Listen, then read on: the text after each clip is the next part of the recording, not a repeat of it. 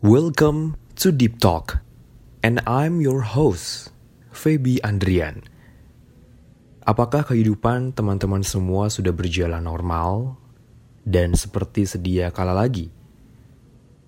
Apakah jam tidur sudah normal lagi dan mulai mengejar angkutan umum lagi?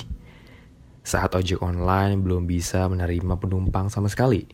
Well, dinikmatin aja, dijalani aja, dan disyukuri aja. Karena pemerintah hanya mementingkan roda perekonomian dibanding kesehatan warga negaranya. Mungkin apa yang digembar-gemborkan dengan new normal adalah benar adanya. Kehidupan tatanan baru.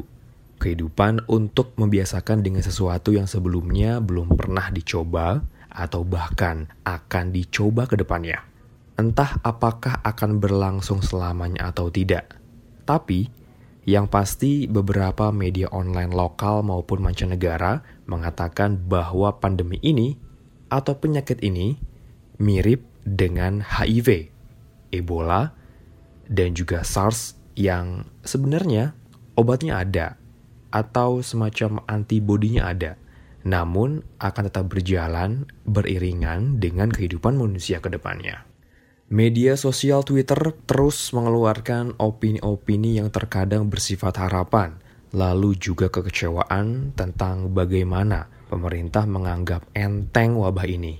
Makan nasi kucing lah, minum jamu lah, negara tropis lah.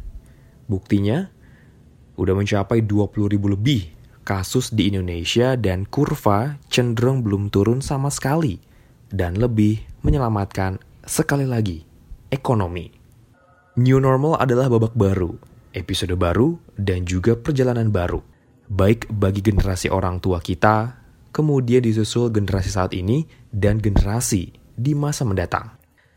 Dari sini terlihat bahwa ajakan untuk masuk dan mempelajari ilmu kedokteran, ilmu alam, dan juga mendalami teknologi adalah hal yang mutlak.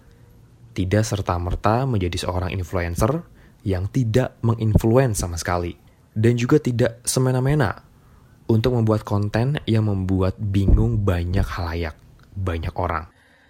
Lingkup new normal bagi sebagian orang mungkin sehabis pandemi ini ada banyak sekali.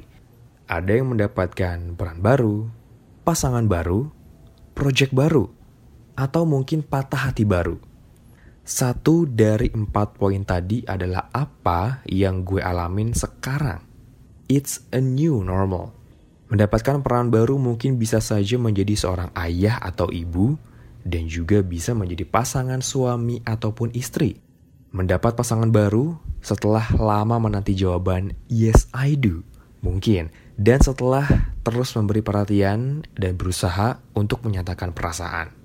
Mendapatkan proyek baru di kala pandemi seperti ini, pekerjaan yang bersifat tatap muka menjadi berkurang drastis dan cenderung kolaps maka beberapa pekerjaan yang bersifat remote menjadi primadona di kala saat-saat seperti ini.